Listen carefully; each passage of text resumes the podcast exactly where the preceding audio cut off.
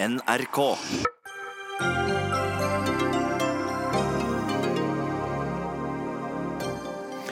Fremskrittspartitopper har gjennom helgen og mandagen levert en rekke kontroversielle utspill om både båtflyktninger og snikislamisering. Statsministeren vil jo ikke bruke de ordene, da. Men hva skjer nå i innspurten av lokalvalgkampen? SV vil strupe eksportstøtten til olje- og gassprodukter, og heller bruke pengene andre steder. Det betyr en utarming av en av våre viktigste næringer, sier næringsministeren. Senterpartist vil ha bort forbudet mot elsykkel i vernede fjellområder. Villreinen ser jo uansett ikke forskjell, som han sier, men alle vil tape på tusenvis av elsykler gjennom fjellheimen, advarer friluftsorganisasjonene. Over halvparten av jordmødrene vurderer å slutte pga. arbeidsforholdene. Det er alarmerende, sier Jordmorforbundet, mens ansvarlig statsråd han varsler nye tiltak i Dagsnytt 18.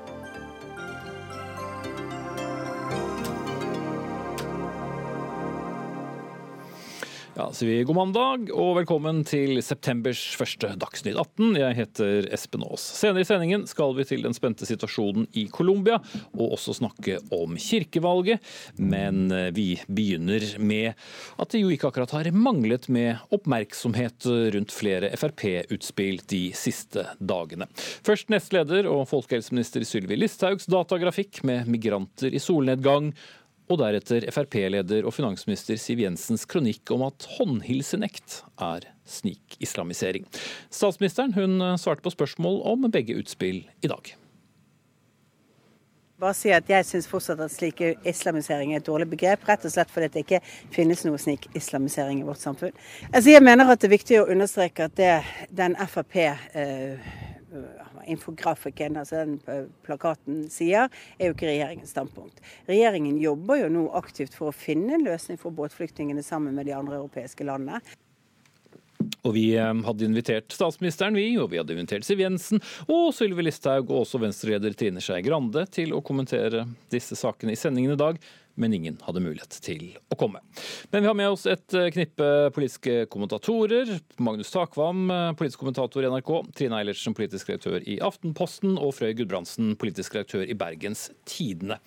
Og begynner fra venstre, Magnus Takvam. Vi går altså inn i siste uken med valgkamp, og da mange Frp-utspill på kort tid. Hva er det vi ser?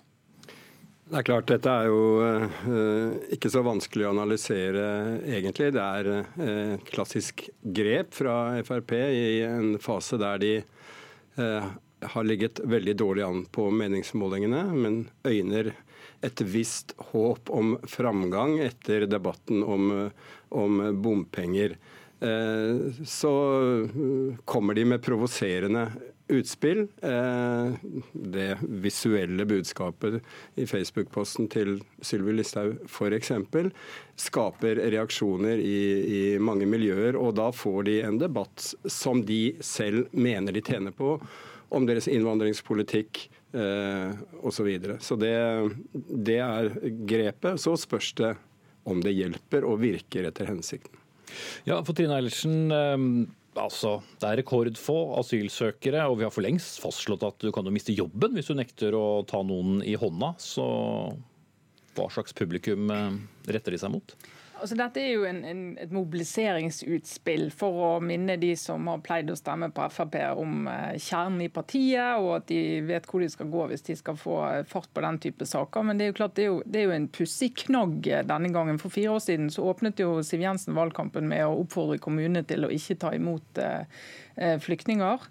Eh, og Da var hun også på innsiden av regjeringen og kom med et sånt utspill i en valgkamp. Men det var for så vidt mer relevant på den måten at det ble nok diskutert i en del kommuner, mens en del av disse problemstillingene blir jo ikke det. Så det virker, virker noe mer desperat enn en eh, veldig strategisk. Og selv om hun kanskje ikke ønsket å bruke tid på det i dag, hvordan skal vi tolke statsminister Erna Solbergs svar, Magnus? Altså Hun eh, måtte jo for det første svare, i og med at uh, regjeringspartnerne Venstre og KrF er I deres miljøer, så når man ser den typen bilder som vi snakker om på Facebook, så er det klart at det blir voldsomme reaksjoner. Uh, begge de to partiene hadde jo nettopp forholdet til Frp som det såreste og vanskeligste punktet da de gikk inn i regjering. Så hun var nødt til å svare og, og si at det er ikke Listhaug eller da for så vidt Siv Jensen som definerer denne regjeringens innvandringspolitikk. Men det var ingen skal vi si, Hun langet ikke ut mot Frp. Hun gjorde det ja, antagelig hun mener var en, en nødvend, et nødvendig utspill. Mm. Frøy Gudbrandsen, politisk redaktør i Bergens Tidende. Hvordan påvirker dette da de andre partiene i regjering i det som jo skal være en lokalvalgkamp? Det som jeg hører fra en del politikere her lokalt, er jo at de generelt eh, blir møtt med eh, at de er i regjering med Frp. Eh, og når Frp kjører på sånn som dette i slutten av valgkampen og drar opp litt eh, søkte eksempler fra innvandringsfeltet sånn i innspurten, så hjelper jo ikke det i det hele tatt. Så jeg tror nok at eh, en del eh, lokalpolitikere som er ute på dørbank, prøver og jobber sinnssykt hardt for å skrape sammen noen, altså de aller siste velgerne nå denne uka. er sånn. Dette er jo ikke gøy for dem når Frp kjører på på den måten her. sånn. Og, og det er jo helt helt på siden av det lokalvalget handler om. Eh, migranter i Middelhavet. Det, jo, det, har jo ingenting med det kommunene holder på med å gjøre.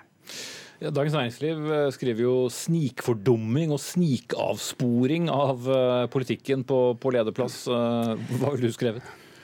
Eh, altså jeg er i hvert fall enig om at dette her bidrar jo ikke til en bedre og mer opplyst valgkamp. fordi det er ikke dette kommunene holder på med.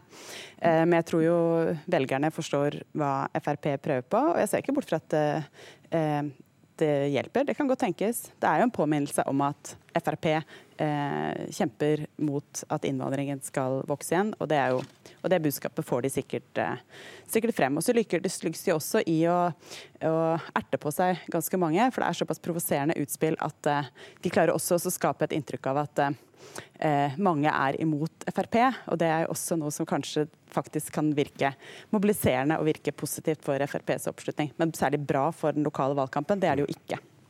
Ja, Denne grafikken har i hvert fall blitt eh, delt opp og ned mente gjennom eh, hele helgen. Eh, Trine Eilertsen. Men hvor kalkulert er dette? For Fremskrittspartiet vet jo hva som gjør vondt for Venstre og, og Kristelig Folkeparti, og Erna Solberg må også kjenne litt på den motstanden.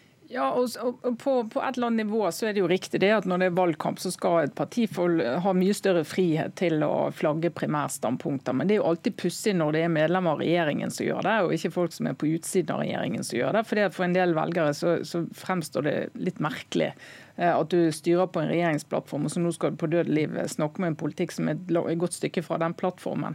Eh, så det er jo en belastning for de andre. Så det er jo ikke bra for samarbeidet. Så Erna Solberg brukte ordet gnisninger i dag, og det har vel ikke sluttet å gnisse siden forrige uke, da, da de holdt på å gå fra hverandre for godt. Eh, så det er jo en fase der de skal prøve å jobbe seg sammen igjen. Skal prøve å virkelig lande et budsjett. Eh, vanskelig sak for denne regjeringen, så de jobber med i disse dager rett etter valget. Eh, så dette er jo en sånn Det blir behov for aldri så lite familieterapi etter mandag, jeg er ganske sikker på. Eh, Magnus Akvam, eh, I Stavanger så har jo Frp da fått et oppsving etter denne ganske vonde og lange bompengestriden. Men var ikke det nok? Er det derfor de køler på? Altså, I Stavanger, det er riktig som, eh, som, du sier, i en måling i dag så gikk de betydelig fram, i hvert fall i den ene målingen. Og mm, der blir det jo tolket som, som et resultat av av bompengeavtalen, og helt spesielt i, på Nord-Jæren, der styringsgruppa på, på fredag for, for byvekst, bymiljøavtalen vedtok å gå inn for å fjerne rushtidsavgiften. Og det er liksom en i denne sammenheng seier for, for Frp. Um, ja, så, de har kjørt knallhardt i den saken. Ja, Sylvi Listhaug hadde jo også et utspill uh, om, om, bilpolitikk i dag, der hun ikke lenger trodde at det var mulig å nå dette målet om kun salg av nullutslippsbiler i 2025. Så de kjører på en måte på, en, på brei front i veldig mange saker. I og Såpass mye i den saken at uh, statssekretær i Miljødepartementet Sveinung Rotevatn gikk ut på Twitter og sa at hun tydeligvis var dårlig informert. Ja, ja, nettopp. Eh, men som, som, vi nå gjør, så bidrar vi også til å, å liksom løfte eh, denne typen dagsorden fram. Og det er jo et dilemma vi i mediene har, det, det er det ingen tvil om. Men for Frp, hvis man bare tenker eh, partiegoistisk på kort sikt, så kan dette virke. Og for dem har det aldri vært et problem at skal vi si, eliten eller andre i, i samfunnsdebatten kritiserer partiet. Det, det mobiliserer en del av, av, kjernetroppene, de klassiske kjernetroppene til Frp. Mm. Og, og for Gudbrandsen, Hvem taper mest på det? Altså, vi har jo snakket med opposisjonspolitikere da, som sier at eh, nei, men kan ikke regjeringspartiene krangle seg imellom om dette, da? Jo, nei, jeg tror jeg tror kanskje det er eh, KrF og Venstre særlig som taper. Kanskje litt også Høyre. For vi så faktisk på den siste målingen vi hadde at Høyre begynte å gjøre det bedre igjen. Eh, og jeg tolka det som at kanskje Høyre-velgerne satte pris på at det hadde blitt litt mer ro. Og hvis det nå blir eh, mer krangling internt i regjeringen inn mot valget, så er ikke det nødvendigvis kjempebra for Høyre heller. Men jeg tror først og fremst det er KrF og Venstre som har mange velgere som, som sliter med nettopp den type retorikk fra Fremskrittspartiet. Eh, så det, det er, tenker jeg at er det, den største faren i dette her akkurat nå. da. Det er noen dager igjen å komme med utspill på, iallfall. Takk skal dere tre ha. Frøy Gudbrandsen, politisk redaktør i Bergens Tidende. Trine Eilertsen, politisk redaktør i Aftenposten. Og politisk kommentator her i NRK, Magnus Takvam. Dagsnytt 18 alle hverdager kl 18.00 på NRK P2 og NRK2. Men la det være sagt, det stopper ikke på politiske utspill, selv om det har kommet mange fra ett parti gjennom eh, helgen. Hvert eh, eneste år betaler staten ut milliarder i lån og garantier for å hjelpe til med eksport av norsk industri. Mye penger går også til olje- og gassnæringen. Men nå vil SV rett og slett forby statlig hjelp til den delen som går til nettopp olje og gass, kunne vi lese i Klassekampen. Og hvem skal vinne på det? Torgeir Knag Fylkesnes, nestleder i Stortingets eh, næringskomité fra SV. Ja, nei, eh, Altfor lenge så har jo olje og gass utgjort en altfor stor andel av norsk eksport. Eh, all, rundt en, Godt over halvparten av våre eksportinntekter kommer fra petroleumsrelatert eksport, såkalt. Så det her må jo ta slutt. Og dersom man ikke tar djerve valg i dag og satser på andre deler av norsk økonomi, så vil vi stå i ganske store problemer i, om bare noen få år. Så Derfor foreslår vi da at uh, ingen nye tilskudd, lån og garantier skal gå til prosjekter som øker vår oljeavhengighet. Og tilsvarende da styrke satsinga på prosjekter som gjør oss uh, grønnere og mindre oljeavhengig. Torbjørn Røe Isaksen, næringsminister fra Høyre. Til Klassekampen sier du at dette betyr en utarming av våre viktigste næringer. Men hvor, hvor mye hjelp trenger olje- og gassnæringen? Jeg trodde det var en av våre mest lønnsomme næringer.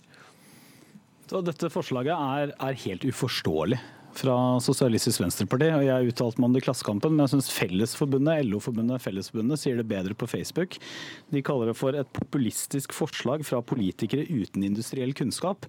Og så påpeker de noe helt vesentlig som tydeligvis SV har glemt, nemlig at dette forslaget fører til to ting, og to ting utelukkende. Det første er at alle andre land som har en leverandørindustri, som er den som kommer til å bli rammet her, de kommer til å gni seg i hendene. For det betyr bare at man kommer til å kjøpe fra dem isteden. Og punkt to, dette rammer jo ikke operatør- og oljeselskapene. Dette rammer verft, underleverandører, teknologileverandører.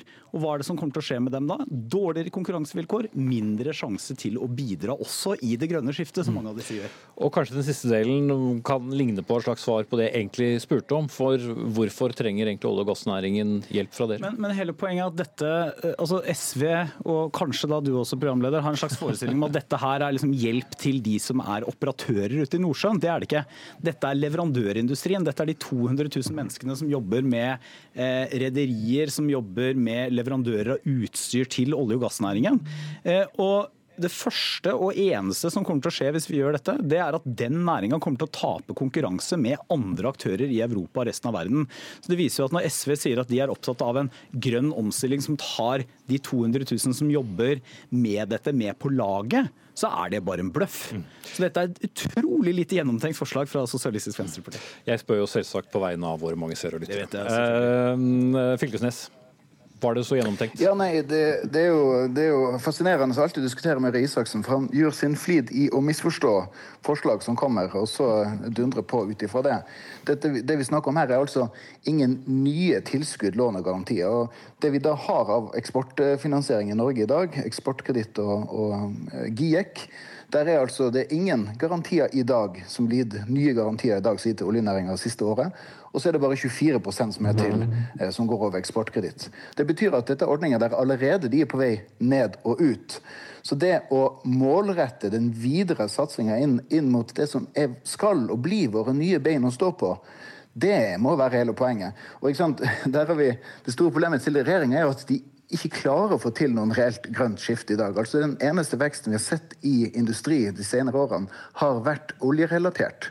Så vi sitter fast i vår oljeavhengighet, og man kommer seg ikke et steg videre hvis man ikke tør å satse på nye eksportretta eh, Så de som allerede får, skal fortsette å få, men ingen nye skal få, så det skal heller gå til andre næringer? Ja, det er jo det er jo allerede gitt mange lån og garantier. Vi kommer selvfølgelig ikke til å avvikle det. og jeg tror det er det som er liksom den eh, harmen til eh, næringsministeren. Det er jo ikke det vi snakker om her. Det er da nye satsinger. Og hvis ikke vi nå tør å satse på nye eksportrettede ja, okay, løsninger, så kommer vi ikke til å få noen grønt skifte. Men alle, alle, skjønner det. Altså Alle skjønner at det skal ikke kutte de eksportgarantiene som allerede er gitt. Men det virker ikke som dere skjønner hvem det, er, hvem det er dette rammer. For det virker som dere tror dette rammer operatørselskapene og oljeselskapene selskapene. Det gjør det, det ikke. Dette rammer leverandørindustrien. Og grunnen til at jeg reagerer på det, Nå reagerte jeg mildere i Klassekampen enn det Fellesforbundet f.eks. gjør. Jeg reagerte mildere i Klassekampen enn det Norsk Industri gjør.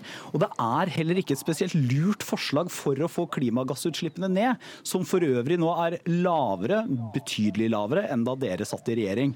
Dette har én eneste konsekvens, og det er at de 200 000 arbeidsplassene som er i disse næringene, blir mer utsatt ansatte. Mange av dem blir kanskje borte på sikt. Og med det så taper du også nettopp den kunnskapen og kompetansen du trenger for å klare det grønne skiftet. Eh, det er jo ikke sånn at norske rederier f.eks. som utvikler nullutslippsferjer, ikke leverer til olje og gass samtidig. Eh, og det er den sammenhengen SV syns bare er helt ute av stand til å forstå. Så, dere har, altså, så dette er, Blant alle forslagene dere har hatt, så tror jeg dette er kanskje det dårligste. Nå fikk du mye voksenopplæring i Fylkesnes. Ja, jeg føler egentlig det er ganske barnslig eh, opplæring han kom med. For hvis man ikke tar ansvar for hva type utvikling vi skal ha for industrien, så vet vi jo at oljeeventyret kommer til å ta slutt. Og det er jo det som er problemet til denne regjeringa her. Man har ingen plan for alle de 200 000 menneskene, med sin kompetanse, med den teknologien vi har bygd opp. Ingen plan for hvordan vi kan bruke den på nye industriområder. Og mens dette skjer, det fallet som vi vet er i ferd med å vi går inn i oljenæringa, så, så taper vi tid. Så poenget nå må være å innrette virkemiddelapparatet til det store grønne skiftet, som med dagens regjering ikke skjer. Og Det er jo den største usikkerheten som norske oljerelaterte arbeidsplasser møter. Det er jo en, et, et, fall som vi går inn i, uten noen som helst plan for hvordan vi skal komme oss gjennom den tida der. Og Det er jo det vi tar til orde for.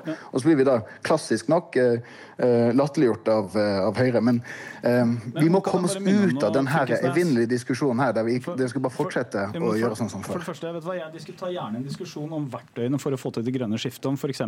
massiv støtte nå til å bygge ut vindenergi, til elbilpolitikk. Alt det som gjør at utslippene våre, klimagassutslippene, går ned, selv om vi selvfølgelig har et stykke igjen å gå.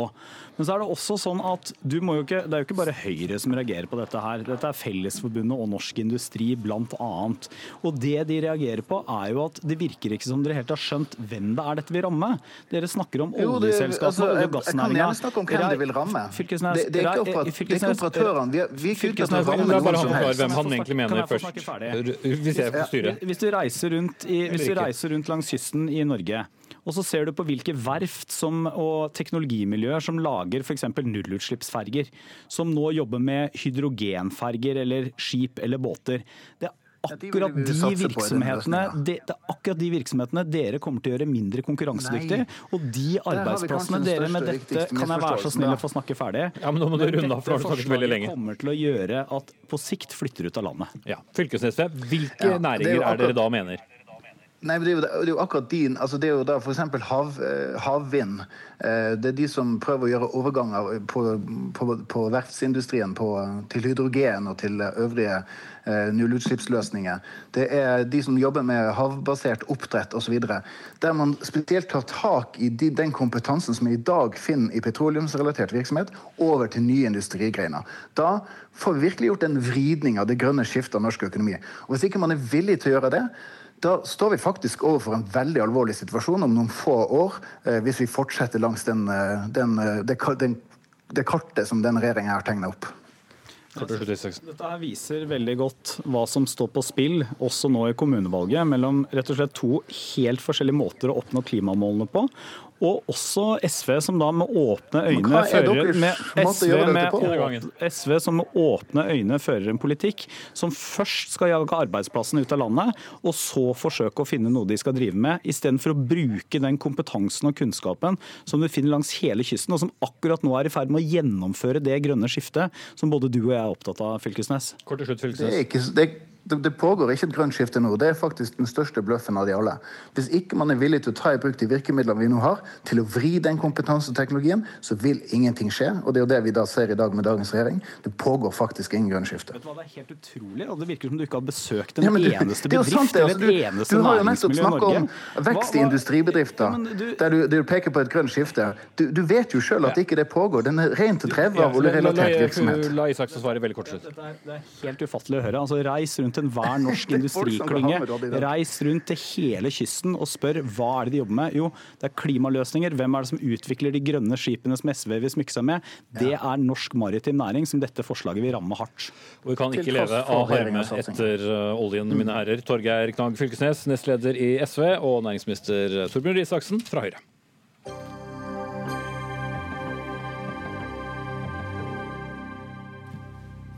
Til tross for svært lav oppslutning sammenlignet med kommunevalget, har kirkevalget en sperregrense på 5% for første gang i år. Det liker ikke alle, og vi skal møte en av dem litt senere i sendingen. Men nå skal vi til fjells. Og det skal handle om eh, elsyklister, og vi skal til en grusvei som går fra Hjerkinn opp til Snøheim for de som vil oppleve fjellet Snøhetta i Dovrefjell nasjonalpark. Mange tar buss på denne strekningen i dag, men fra 1. juni til 15. juli, altså halvannen måned, kan den som vil sykle. Men du må bruke bena, for eh, elsykkel er forbudt. Og det ønsker eh, dere i Senterpartiet å fjerne. Bengt Fasteraune, du er stortingsrepresentant for Senterpartiet og leder i Oppland Senterparti, og tar nå en liten pause fra kommunestyremøtet i Dovre for å snakke med oss. Hvorfor trenger vi elsykkel i fjellheimen? Altså, dette her dreier seg jo rett og slett om en, en glipp, sånn som jeg ser. Altså, i, I disse forskriftene som er laga for nasjonalparkene, så er jo elsykkel da definisert som motorisert ferdsel. Eh, Det gjenspeiler jo ikke bruk av elsykkel ellers i samfunnet. Så vi mener jo at når det er åpent for sykkel i denne perioden du nå snakker om, så må det også være åpent for elsykkel. Og fordelen med det er? Nei, altså Fordelen er jo rett og slett at eh, elsykkel har jo blitt en del av hverdagen til folk. og Når vi har gått inn og laga si, eller det er blitt laga begrensninger inn i nasjonalparkene, så er det jo fordi at eh, man skal ta hensyn til villrein. Og det er jo så gærent i denne tilfellet her at eh, i det tidspunktet hvor det er lov til å sykle, så er det jo ikke villrein i området. Og Da er jo det argumentet, så faller jo det helt på steingrunn. og, og Derfor så mener vi at det må likestilles. Folk i dag de har én sykkel, og det er kanskje en elsykkel. De kjører da fra, eller sykler fra Dombås opp på Hjerkinn gjennom et stort område som også da er, er verna. Det er på en sykkelsti som bl.a. vi i Dovre kommune har fått penger fra gjennom direktoratet for å motivere folk til å sykle i randsonene. Og så kommer de til Hjerkinn, og så, selv om de da må slå av elmotoren, så får de altså ikke lov å sykle den siste biten inn til Hjerkinn, hvor vi da frakter okay. 10 000 turister per buss. Vi har vært i kontakt med Klima- og miljødepartementet i dag. Ingen derfra kunne stille. Statssekretær Sveinung Rotevatn sa derimot til NRK 1.8 i år at regjeringen ikke vil ha fullt slipp av elsykler i sårbare områder, og at det vil ta tid å endre reglene. Og Det er vel du glad for, Lasse Heimdal, generalsekretær i Norsk Friluftsliv, som er en paraplyorganisasjon for 950 000 medlemmer i forskjellige foreninger som liker å å røre seg eh, ute. Men hvor stor forskjell er det på en elsykkel og en tråsykkel, egentlig? Først og fremst vil jeg si at eh, Det er jo fantastisk bra med sykling, og der tror jeg fasteren og jeg er enig at vi må få mange flere opp på sykkel. Og Heldigvis så er det slik i dag at vi har tusenvis av kilometer. Vi kan sykle både i marka og på fjellet. Det ble en stor åpning for elsykler i 2017, så det er ikke mangel på steder i fjellet å sykle med elsykkel. så bare det er sagt. Men så er det noen som du ikke vil ha dem. Ja, det er riktig det. Fordi at uh, i Norge så har vi også en særdeles sårbar natur. og Det betyr at vi har en del verneområder hvor vi tar spesielle hensyn. Og også på Dovrefjell så uh, har vi en veldig spesiell natur hvor bl.a. dette med stillhet er også en viktig sak. Så har vi det som var nevnt, dette med regn. Og vi har moskus og, og uh, en del arter som vi også må passe på. Men vi er jo helt enige om at en, et reinsdyr ser ikke forskjell på en tråsykkel og en elsykkel. Nei, vi ikke hører særlig forskjell heller. Nei, det gjør det heller ikke. Men det er en forskjell, og det er at et reinsdyr, om de ikke ser forskjell på en elsykkel og tråsykkel, så ser de forskjell på om det er ti sykler, 100 sykler eller 1000 sykler. Så dette, en bit av dette handler også om hvor mange sykler og hvor stort press skal det være i verneområder i enkelte perioder. Men blir det så radikal forskjell om eh, du tillater eh, noen eh, elsyklister? Nei, det gjør ikke det. Det gjør ikke det. Men vi er også nødt til å tenke noen skritt fram. Eh, for hva skjer hvis vi åpner i stor grad også for elsykler? Vi får en mye større volum av syklister, og på mange måter er det bra. Det er bra for folkehelsa også. Men en annen mulighet er også det at vi får et mye større press på uh, også sykling lenger innover i fjellet enn bare på den ferdselsåra opp til Snøheim. Og Det er en stor teknisk utvikling på gang blant elsykler. De er i ferd med å bli elektriske mopeder. Så vi må også tenke gjennom hva blir konsekvensene neste gang. Men jeg tror nok at Fasteraune og jeg vi skal nok bli enige om ferdselen inn til Snøheim. altså. Ja. Men uh, Fasteraune, du har vel også kanskje en begrensning for hvor stort press du vil uh, legge på disse områdene? Altså, nå er det jo slik, da, og det er ganske den store forskjellen som, som gjelder i vanlige fjellområder for de som er i, og det som er verna områder. og det er jo det at Eh, nasjonalparkstyrene skal jo være med å bestemme hvor det i hele tatt er lov til å sykle. Det er jo det som er hele kjernen her. Og det er klart det at Når du har en sånn akse som vi har da fra Hjerkinn og inn til Snøheim, hvor vi har valgt å løse altså den store mengden av turister med busser, det er 10 000 mennesker som blir frakta inn med buss for å unngå at du får en barriere langs denne Snøheimveien, med unntak i den der perioden som det er lov å sykle, så er det jo klart det at da må ikke sånne jeg kaller det sånne humper i veien være med å ødelegge for det som, som, folk har av oppfatning av vern. Mm. Dette her er en glipp, og den må man fikse opp. Men er du ikke enig i argumentasjonen til Heimdal hvis du ser det på litt lengre sikt? Nei, altså Det som er hele kjernen, det er jo det at uh, hvis man mener noe med en forvaltning, så går det ikke an å tenke generelt. Altså Det er ganske store forskjeller rundt omkring i hele landet. og Det er jo nasjonalparkstyrene som må styre dette her. Hvis det da ikke er formålstjenlig å sykle inn i et område, det kan være inn i et kalvingsområde, det kan være i det områdene hvor rein er mest sårbar, det kan være når han trekker som mest, så må man gå inn og så må man regulere det konkret. Og da gjelder det for alt. Mm. Men å begynne å snakke om en forskjell på elsykkel og en vanlig sykkel motorsykkel, det har jeg ingen forståelse for. Ja, for Litt av problemet her, Heimdal, som også en del eh, som driver uh, næring i disse områdene sier, det er, det er litt pussig å forklare noen at du kan stort sett sykle overalt, ikke her. Ja, Det er jeg helt enig i. Det er snodig. og her bør vi kanskje også gjøre noe med informasjon. Eh, og Det er enkelte steder hvor vi kanskje burde slippe opp mer for sykling, og enkelte steder er vi kanskje også nødt til å stramme inn litt mer. Vår bekymring det er at vi eh, går litt for raskt fram. fordi at etter at dette ble åpnet i 2017, så bestemte også regjeringen seg for å eh, evaluere konsekvensene av det. Det arbeidet er ikke ferdig. Vi venter på, hadde håpet på dette nå hadde vært litt klare. Men det vil sannsynligvis ikke være lenge til. Vi vet mer om konsekvensene av elsykling i fjellet og med slitasje osv. Eh, vi håper i hvert fall at vi snart også får flere mennesker opp på sykler flere steder i Norge. Men akkurat i verneområder der er også vi med på å være litt forsiktige. Her skal vi skynde oss sakte. Mm. Men Fasteraune, du har litt eh, dårligere tid. Hva, hva taper vi på å ha den ordningen som er i dag? Nei, altså Jeg har dårlig tid, fordi jeg mener at det er en sånn meningsløs beslutning som man må bare få ordna opp i. Det er jo klart, Heindal han representerer jo både Turistforeningen og Jeger og Fisk og Syklistenes Landsforbund. Turistforeningen har jo også, Det er jo det som er endepunktet her inn mot Snøhetta. Det samme har vi i Rondane, f.eks. med sprang i Ronvassbu, som kanskje er enda mer utfordrende. Og du har det samme i Glitterheim, hvor det ikke er regn i det hele tatt. Og Det som jeg ønsker å stimulere til, er jo at folk skal få lov til å bruke sykkelen sin og skal få lov til å bruke kroppen sin uh, ute. og Da må man viske bort altså de tingene her. Så må man jo gå inn i den store diskusjonen, og det er jo hvordan man skal håndtere altså de store mengder folk som da beveger seg inn i disse nasjonalparkene. For når det er blitt en nasjonalpark, så blir det også mer attraktivt. Det var mindre attraktivt å være der faktisk når det var et skytefelt, og vi får større utfordringer nå med å håndtere folk. Og Da må vi altså ikke gjøre slike ting som vi gjør her, men så må vi konsentrere om det som er faktisk viktig. Og Der må jeg parkere debatten, for å si det sånn. Eh, takk skal du ha, Bengt Fasteraune, stortingsrepresentant for Senterpartiet og leder i Oppland Senterparti, og Lasse Heimdal, generalsekretær i Norsk Friluftsliv.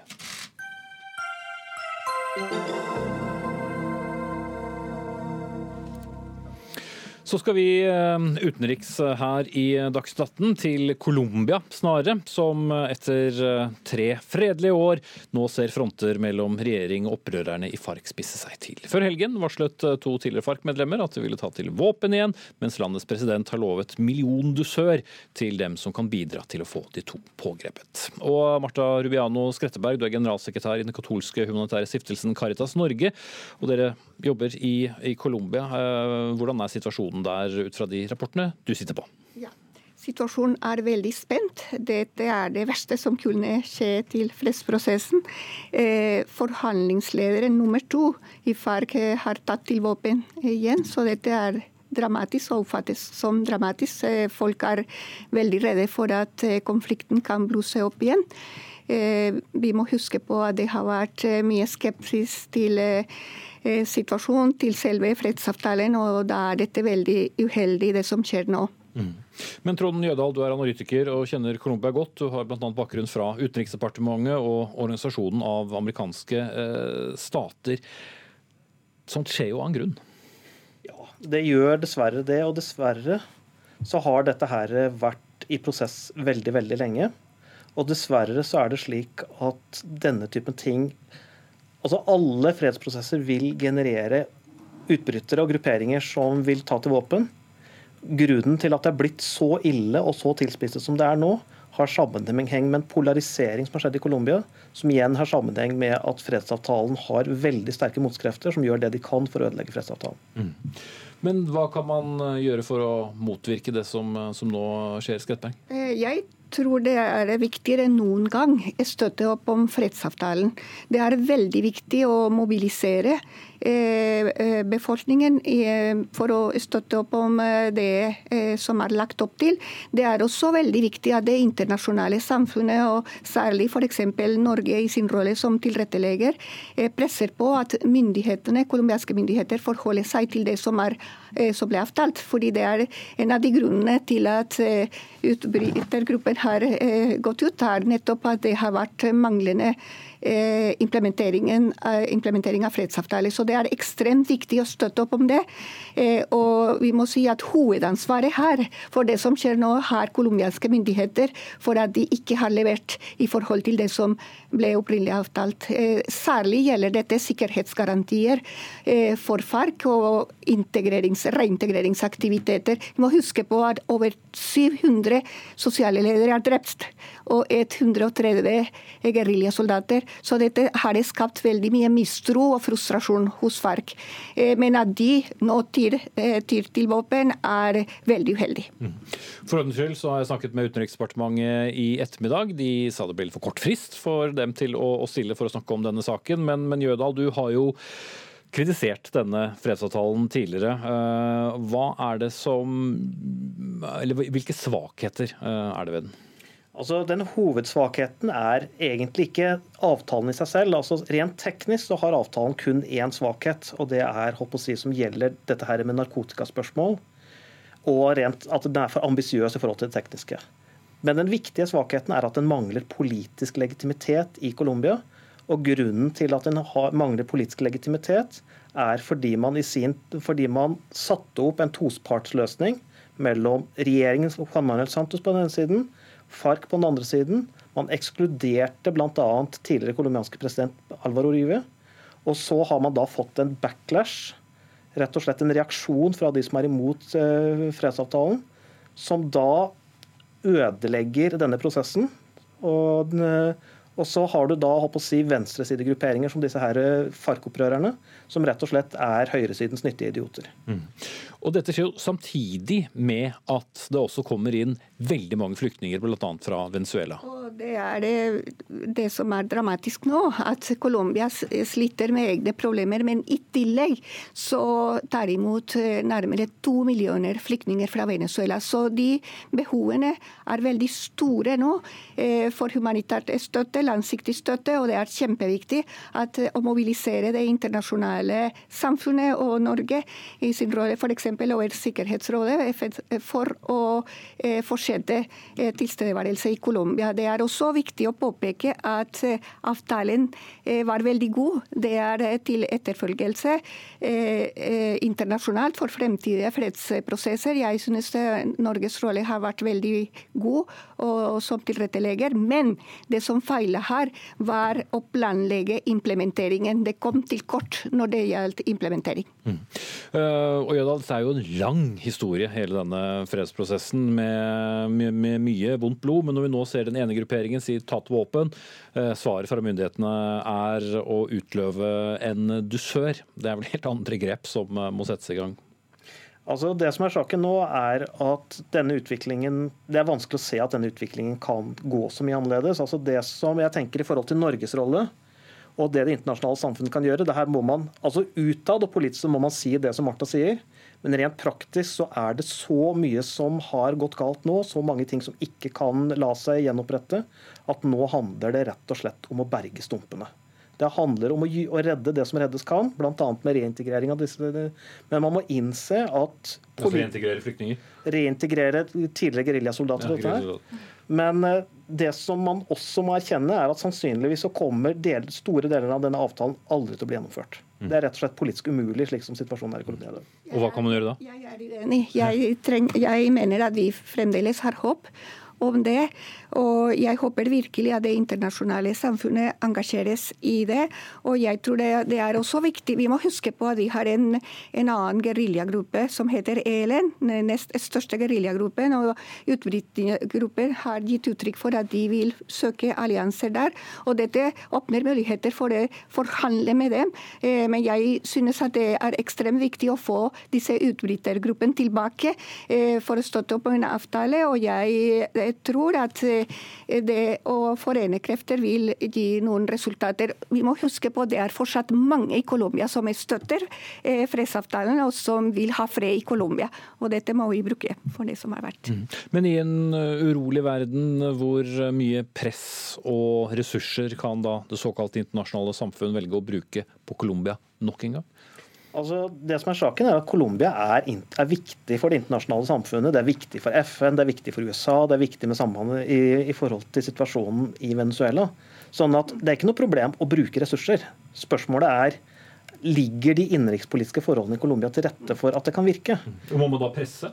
Det som er saken er at ja, eh, president eh, Ivan Duque, som er Colombias nåværende president, er en person som i veldig stor grad forholder seg til politisk press. Men det er Hovedproblemet er at det er ikke en genuin vilje til å med god tro implementere avtalen, eller bare, i hvert fall bare noen enkelte elementer av den.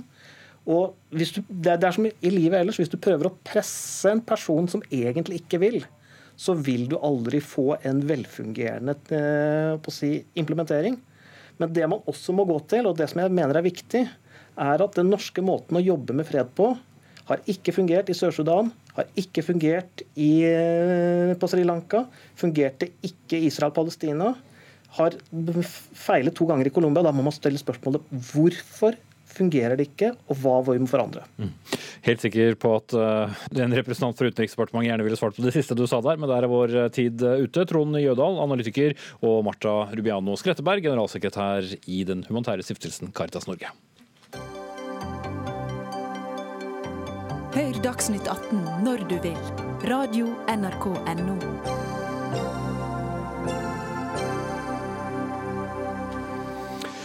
Det er ikke slik at det bare er kommune- og fylkestingsvalg hvert fjerde år. Vi har også kirkevalg, og det skal vi snakke om nå. For nytt av året er en egen sperregrense, også ved dette valget på 5 eh, som skal fungere noenlunde som 4 %-grensen som gjelder ved stortingsvalg. At man altså må være over den. Men Arve Juritzen, forelegger og kandidat på nominasjonskomiteens liste for Skøyen kirke i hovedstaden. Du er altså selv kandidat, men ante ikke at det fantes noen sperregrense? Nei, den eh, har de holdt eh, godt hemmelig. Jeg tror ingen som står på lista i Oslo bispedømme eller de andre jeg har snakket med rundt omkring i landet har hørt om det. Jeg tror faktisk heller ikke nominasjonskomiteen som plukket oss ut, kjente denne regelen. Og Det aller verste er jo at eh, Kirkerådet, som er ansvarlig for dette valget og gjennomføringen av det, ikke har informert i den brosjyren som gikk til 3,7 millioner hjem. Det står ingenting i valglokalet. Og selv når du tar stemmeseddelen din, så står det altså ingenting om denne 5 %-regelen. og Det er spesielt fordi eh, Valget er ganske komplisert, det er en rotete ordning, hele den må ses på. Men det er altså da nominasjonskomiteens liste som jeg står på, handler om personvalg. Vi har ikke noe partiprogram som Åpen folkekirke og bønnelista har. Mm, som er de to andre som man velger på? Riktig.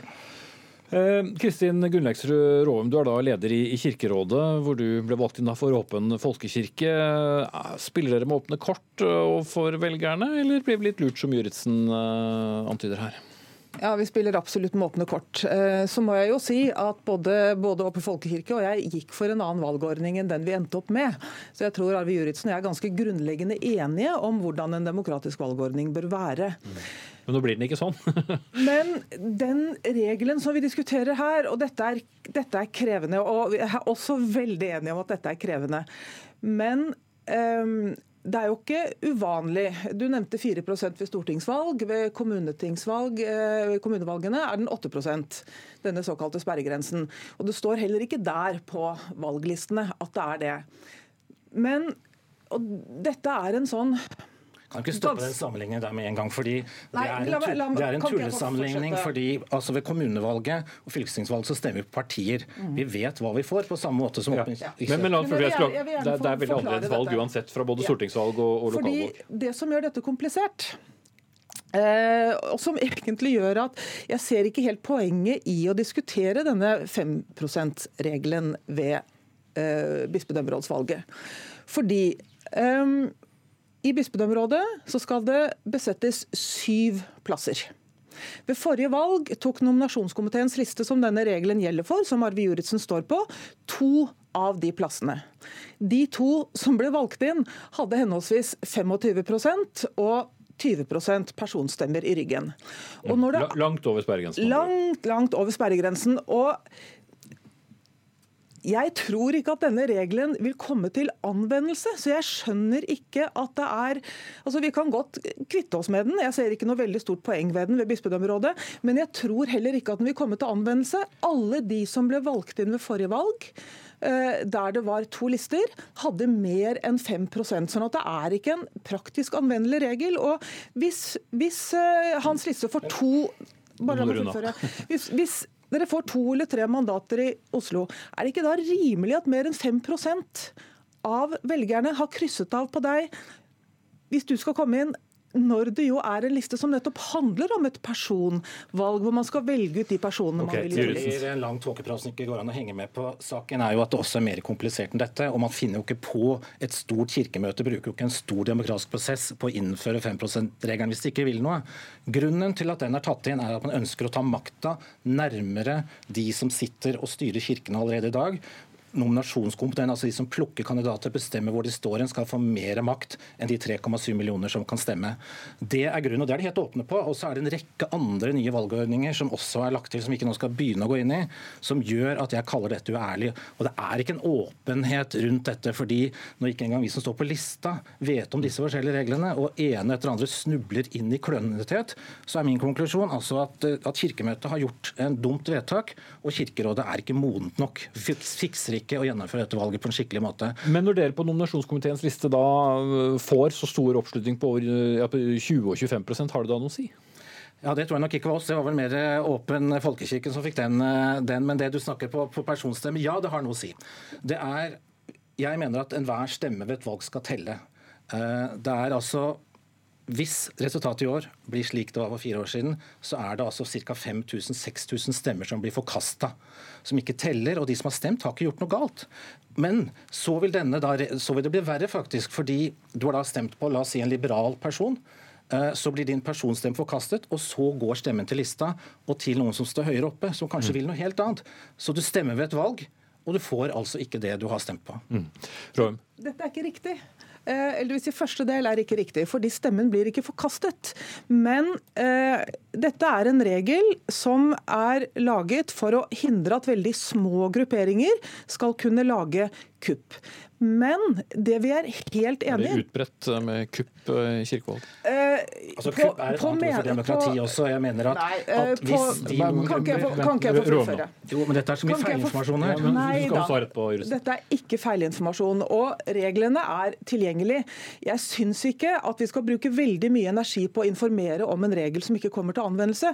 Og, som dere har valgt å innføre? Ja, som Kirkemøtet har valgt å innføre. Som Men som, som, først og fremst gjelder menighetsrådsvalgene. Det er der den er relevant. I bispedømmerådsvalget så kommer ikke den regelen til å, kunne, til å komme bli, bli, benyttet. Eh, det så vi ved forrige valg, og det kommer vi til å se igjen. Og Dette dreier seg ikke om forholdet mellom listene, for mellom listene er det forholdsstatsvalg. Det er innad på listen der avviste personstemmer. Og når som sagt det skal besettes to, tre, fire, hva vet jeg, plasser, så skal man da ha et visst antall personstemmer for å bli valgt inn. Og da er det sånn at de som blir valgt inn, de kommer ikke til å ha så få personstemmer som 5% Og ingen av disse Ingen av listestemmene blir forkastet. Det er ikke riktig. Men man når ikke opp eh, hvis man har færre enn 5 av, eh, av kumuleringene, personkryssene bak seg. Og dette er ikke tåketale, dette er en helt nøktern beskrivelse av regelverk. Okay, en beskrivelse av noen som ønsker å dra makta nærmere noen få. Og jeg syns det er trist å høre at man ikke bryr seg om at 5000 mennesker, og eller kanskje mer, eh, får en annen kandidat, en annen kirkepolitikk enn de ønsker. Jeg syns også det er trist å høre at man skal prøve å stoppe enkelte grupperinger som ønsker å lage kampanjer for de valgte inn. Selv om jeg er uenig i de fleste av de kampanjene, så er det demokrati. Ja, Så får vi andre da være like gode som de. Ja, klart at i et kirkevalg, eh, mer enn noe annet valg, så må hver stemme telle. Og jeg ønsker ikke, Det jeg går til valg på, er å få til en annen valgordning hvor vi åpner opp demokratiet, og ikke sånn som nå hvor man har dratt det nærmere noen få maktpersoner i kirken. Det er helt feil retning å gå. Mm. Jeg vil bare stille et spørsmål helt mm. avslutningsvis. for eh, En annen prosentandel er jo oppslutningen rundt kirkevalget. For fire år siden var det et såkalt rekordvalg med 16,7 mm. som benyttet seg av eh, den eh, stemmeretten. De som har hørt på denne diskusjonen og prøvd å forstå de reglene, tror du det blir lettere å Stemmer. Nei, og jeg skulle ønske at det ikke var nødvendig å ta denne diskusjonen. Jeg skulle ønske at vi kunne diskutere kirkelig demokrati og engasjement rundt kirkevalget. For der tror jeg Arve Juritzen og jeg er helt grunnleggende enige. Denne 5 %-regelen er en teknikalitet som jeg opplever det som eh, ikke veldig relevant å diskutere. Men eh, jeg håper på et stort engasjement, og at folk benytter stemmeretten sin også ved kirkevalget. Mm. Jeg vil ikke at vi skal skremmes vekk fra å velge. Det er viktig at man velger, og at man stemmer stemmer, slik at vi får mer demokrati i Kirken. Mm. Stemming er bra. Det er i hvert fall enige om alle mann. Selv jeg kan mene det. Arve Juritzen, forelegger og kandidat på nominasjonskomiteens liste for Skøyen kirke i Oslo, og Kristin Gunnleiksrud Råum, leder for Kirkerådet.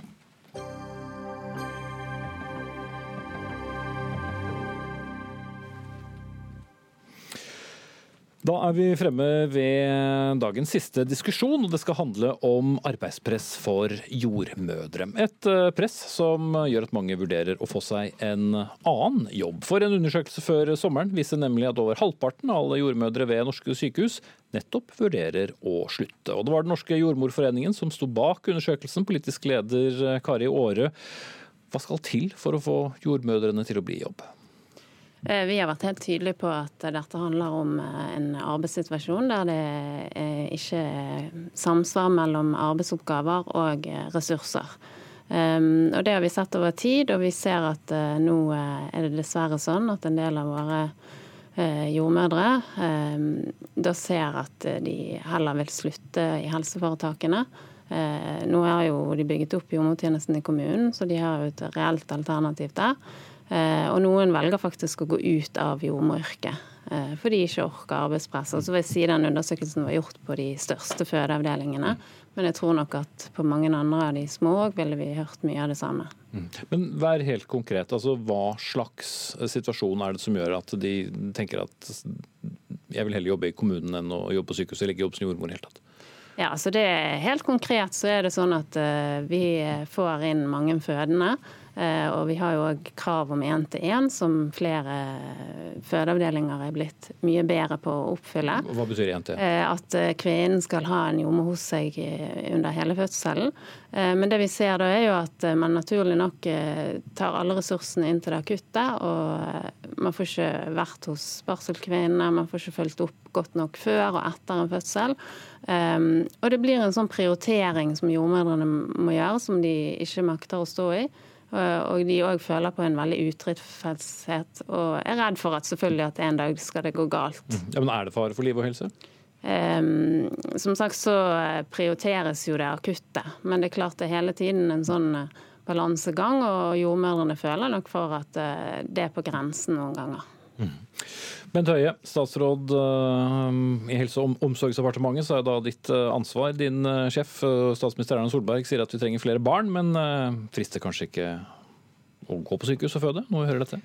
Nei, altså, vi tar disse bekymringene fra Jordmorforeningen på største alvor. Vi hadde møte om dette på fredag, og nå er vi blitt enige om at vi setter ned sammen en arbeidsgruppe ledet av Helsedirektoratet med Jordmorforeningen representert og de fire helseregionene, nettopp for å se på hvordan denne endringen i kan vi si, fødebefolkningen, altså de fødende kvinnene, eh, påvirker nettopp behovet for både bemanning og finansiering. Så er det erkjennelse av at det er et problem eller utfordring? Fordi, og det som er litt av utfordringen, at hvis vi ser på tallene, så ser vi at norske kvinner som føder på sykehus, de er mer fornøyd nå enn i 2017 enn det de var i 2011. Vi ser at det er ikke noe, med noen økning i skader og sånt, så det er trygt å føde. Men jordmødrene forteller nettopp den historien som vi hører her, at de opplever at dette strekkes og strekkes nå i deres arbeidshverdag. og Det er noe som vi nå tar på alvor. og Det betyr at eh, nå skal vi få den arbeidsgruppen, og de skal komme med sin anbefaling innen 1.3. Så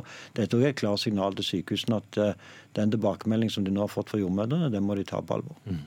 Kjersti Toppe, nestleder i Stortingets helse- og omsorgskomité. Du er med oss på linje. Hva slags konklusjon ville du helst sett fra denne gruppen? Nei, vi, vi, vet jo at det er store kapasitetsutfordringer. Det har jo vi fått tilbakemeldinger eh, år etter år. Eh, og Senterpartiet har jo tatt dette opp i, i Stortinget og eh, vært eh, bekymra for at ikke det har skjedd noe politisk. Eh, Nå skjer det Nei, altså ja. Eh, og da får jeg si velkommen etter. Dette er jo det som Senterpartiet har spurt om flere ganger. Vi fremmer faktisk et forslag før sommeren om å få en ny offentlig utredning. og en arbeidsgruppe er jo i, i den gata. Eh, men eh, jeg opplever at eh, Bent Høie og regjeringen ikke har lytta til jordmødrene i denne saka. Vi har hatt ganske mange forslag i Stortinget nettopp på å se på bemanningen i de store fødeklinikkene, fordi at vi får så mange tilbakemeldinger på at kapasitetsutfordringene er store. Og når så mange av jordmødrene nå faktisk vurderer å slutte, så har jo det gått altfor langt før en har tatt de på, på alvor. Og I 2010 så fikk jo vi kvalitetskrav til fødselsomsorgen. Eh, og da setter det krav til både de små fødeavdelingene og de store fødeklinikkene. Og det er jo spesielt på de store fødeklinikkene vi, vi nå får tilbakemelding på at eh, en klarer ikke å følge opp disse kravene. Og det er jo, det er jo alvorlig. Mm, for eh, det er jo det som var meningen med de, for å skape et trygt eh, fødetilbud for alle. Ja, og Derfor vil også den arbeidsgruppen også se på det som er seleksjonskriteriene. fordi det er klart at eh, Vi er opptatt av å både sikre god bemanning på de store fødeavdelingene, eh, sikre god finansiering av de, men òg at denne utviklingen som nå går, ikke truer de mindre fødetilbudene i landet. Så Dette vil òg være en del av mandatet på arbeidet. Så har vi lytta til de ulike synspunktene som er kommet fra Jordmorforeningen. Når vi overtok i 2013, så var beskjeden at vi hadde en kraftig underbemanning av jordmortjenesten i kommunen. Der har vi nå satsa på. Vi har fått en nær, I løpet av dette år vil vi sannsynligvis ha en nær dobling av antall jordmødre i kommunene. Og mer attraktiv arbeidsgiver, høres ut. Ja, det er jo bra, da. fordi dette er en veldig viktig del av jobben. Eh, og så har vi behov for flere jordmødre. Nå åpner vi jordmorutdanning på Universitetet i Stavanger. Vi har fikk tilbakemelding om utfordringene. Men skjevhet da med de store sykehusene og fødeavdelingene? Ja, Det er jo det siste det tilbakemeldingen som vi har fått. og det er jo klart at eh, En kan alltid diskutere om hva, hva tid ting skulle ha vært gjort, men dette er i hvert fall noe som vi nå tar på største alvor. Nettopp fordi at en ser at vi får en tilbakemelding at når kvinnene er eldre når de føder, så har de større utfordringer. Det gjør òg at en har behov for å se på på bemanningen. Da handler det både om jordmødre, men vi får jo òg tilbakemeldinger om at f.eks. det òg handler om behovet for barnepleiere på barselavdelinger osv. Så, videre. så her må en se på dette i en helhet. Men er eh, da eh, løsningen eh, Toppe å ja, bruke mer penger, som, som oftest er en løsning? Som blir foreslått, i hvert fall. Ja, altså for, for, for, det er jo en Alle ser jo at det er de store effektiviseringskravene til sykehusene som gjør eh, at bemanningen på fødeklinikkene har blitt så knapp eh, som den er. Eh, og det må jo òg Høie forstå, at det er jo ikke slik at en ønsker å ha en så lav bemanning på de store fødeklinikkene. Dette er fordi at det er så tøffe prioriteringer ute i helseforetakene, og de får krav på å spare istedenfor å styrke tilbudet. Og det er nettopp det vi har stemt, eller har et forslag om i Stortinget, og øker grunnbemanningen på de store fødeklinikkene. Og så er det én ting til. det er jo at I dag så blir, så blir fødselsomsorgen finansiert ved såkalt innsatsstyrt finansiering. Halvparten av pengene blir kommer pga. innsatsstyrt finansiering. Vi mener jo at fødselsomsorgen må rammefinansieres, rammefinansieres fordi at det er, jo, det er jo spesielt at en får penger etter komplikasjoner, sånn som i dag, og ikke, og ikke får uh, mer penger hvis en setter inn ei ekstra jordmor, sånn at en unngår komplikasjoner. Altså så må dette finansieres som et akuttilbud, og ikke sånn som i dag, der det blir finansiert som en annen uh, pasientbehandling. Dette kan høres teknisk ut, men det er faktisk det veldig viktig uh, for at en skal få en god grunnbemanning. Og iallfall så vet jeg at jordmødrene forstår hva vi snakker om. Mm. Men effektivisering må også til, eh, Høie? Det, altså det, som er viktig for oss, det er å ta vare på den gode kvaliteten som vi har på norsk fødselsomsorg. og Der er jo tilbakemeldingen som kommer, er at, eh, at selv om tallene er gode nå, så er vi i en situasjon der vi da kan risikere andre resultater hvis vi ikke gjør noe. Det er derfor vi gjør noe nå. Og det er det sånn at Vi setter ned nå en arbeidsgruppe. Oppdraget vil bli gitt i løpet av denne uken. Vi får resultatet i 1.3. Senterpartiets forslag før sommeren, som ikke ennå er behandla i Stortinget, vil være å nedsette en NOU. Det ville tatt minst to til tre år før en hadde fått resultater av det. og Derfor er dette en mye mer effektiv måte å følge opp jordmoren sin bekymring på. Mm. Men skal dere da se på, bare vent litt, Toppe, skal det da, uh, Vil det være snakk om å putte inn enda mer penger, eller skal dere få det til innenfor de rammene som er i dag? Ja, vi gir jo sykehusene mer penger hvert eneste år. Det som eh, denne gruppa skal se på, er jo finansieringssystemet. Og Da er jeg ikke sikker på at Senterpartiets forslag om rammefinansiering nødvendigvis er det som ville sikre eh, disse fødeavdelingene eh, best mulig finansiering. fordi Da ville de fått de samme pengene uansett hvor mye aktivitet de har. Men det er noe av det som denne arbeidsgruppen skal se på. Mm, toppen. Mm. Eh, eh, det, altså, fødsler skjer jo når fødsler skjer, eh, så dette kan jo ikke planlegges fra sykehuset på samme måte som andre pasientbehandlinger. Det er derfor det må ha en egen finansiering. Og det er flott at vi får ei arbeidsgruppe nå som kan se på dette til, til, til våren, men det er jo en og en enda enklere måte å sikre en enda tryggere fødselsomsorg på, det er jo faktisk å gi sykehusene penger, som får ansette litt flere jordmødre på vakt. Men pengene må jo komme fra et sted som uh, da får mindre penger? Ja, altså da kan vi diskutere den generelle sykehusøkonomien. Men vi har fått mange tilbakemeldinger på at eh, den, under denne regjeringen så har det blitt verre med de grunnleggende prioriteringer eh, på pasientbehandling. Okay, jeg, skal, jeg, vil bare bite av dere begge to helt til slutt. Jeg har lyst til å slippe til eh, Kari Aare kort til slutt, for du har bare et halvt minutt på deg. Men hva mener du dere kan få ut av denne gruppen? Altså, Vi er positive til at det nå settes ned et arbeid, og jeg håper det er et sterkt signal til helseforetakene nå òg før det arbeidet er ferdig. Nå skal budsjettene legges nå i høst, og de er nødt for å prioritere å bemanne opp eh, fødeavdelingene også før dette arbeidet er ferdig. Mm. Så også din løsning er eh, mer penger? Eh, altså Det må jo man se på, men jeg tror at finansieringsmodellen sånn som den er i dag, den passer ikke for fødselsomsorgen. og Det har vi prøvd å belyse Gjennom bl.a. å se hva DRG og ISF er det som er hvor teknisk vanskelig. Ja, Der tror jeg vi stopper, og du får ikke lov å begynne å fortelle hva dette betyr engang. Det får vi ta en annen gang. Politisk leder i Jordmorforeningen, Kari Aare. Vi hadde også helseminister Bent Høie og Kjersti Toppe fra Senterpartiet. Jarand Reik Mikkelsen var ansvarlig for denne sendingen. Hanne Lunås tok seg av det tekniske. Jeg heter eh, Espen Aas, og vi gjør et comeback i morgen, vi.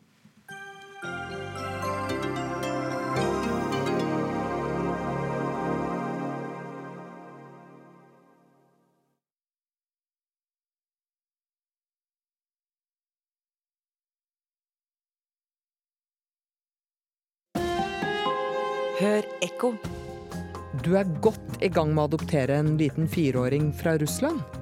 Du ser på bildet av gutten og har lært deg noen russiske gloser.